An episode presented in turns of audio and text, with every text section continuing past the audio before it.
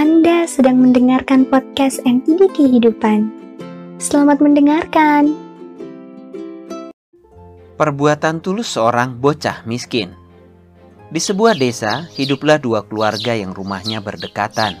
Satu keluarga yang berada dan satu lagi adalah keluarga yang kurang berkecukupan.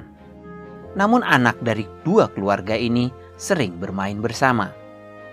Setiap hari, Nia si gadis kecil dari keluarga berada akan bermain dengan Budi si anak yang sederhana. Nia gemar memamerkan segala mainannya yang baru kepada Budi karena ia tahu Budi tidak mampu untuk membelinya.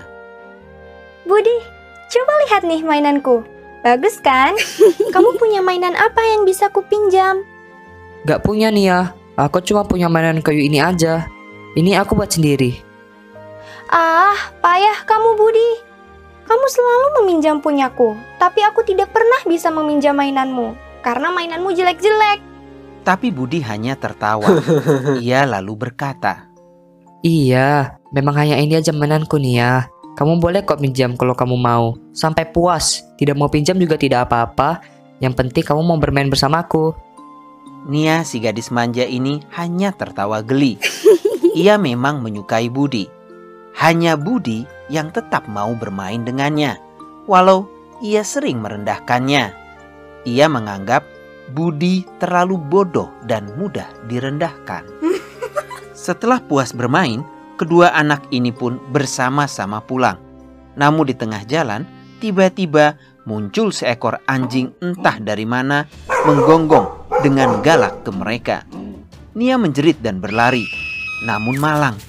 Anjing tersebut berhasil menangkap kakinya lalu menggigitnya. Budi yang kaget ketakutan berhasil menemukan ranting di tengah jalan, lalu menggunakannya untuk menghalau si anjing tersebut. Setelah anjing tersebut kabur, Budi pun menghampiri Nia yang sedang menangis ketakutan. Kakinya terluka digigit anjing. Aduh, Nia, kakimu. Sini aku bantu. Ia memapah Nia yang berjalan terpincang-pincang hingga ke rumah si gadis itu. Sesampainya di rumah Nia, ayah Nia menyambut mereka di depan pintu dengan kaget. Hah? Nia dan Budi pun menceritakan apa yang terjadi. Ayah Nia berterima kasih pada Budi. Setelah Budi pulang, ayah berkata pada putrinya, Nah, sejak kapan kamu berteman dengan si Budi itu? Nia yang mendengar pertanyaan ayahnya, khawatir ayahnya tidak suka ia berteman dengan Budi, si anak sederhana. Maaf ayah, hanya Budi teman Nia. Yang lain Nia nggak tahu. Mereka sudah tidak mau berteman lagi. Hanya Budi yang mau mendengarkan omongan Nia. Ayah Nia yang mengerti sifat sombong putrinya pun menghela nafas. Nah, dengarkan ayah baik-baik. Teman seperti Budi adalah sangat berharga.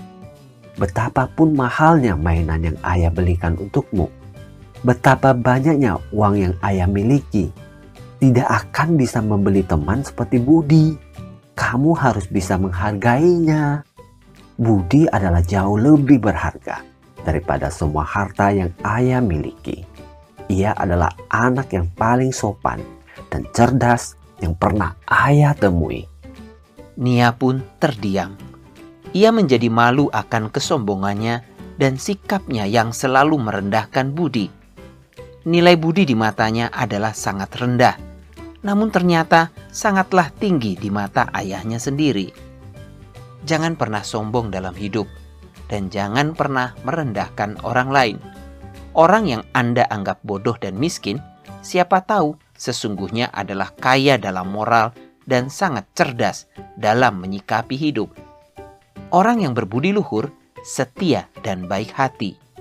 Nilainya sangatlah tinggi dan tidak dapat diukur dengan uang.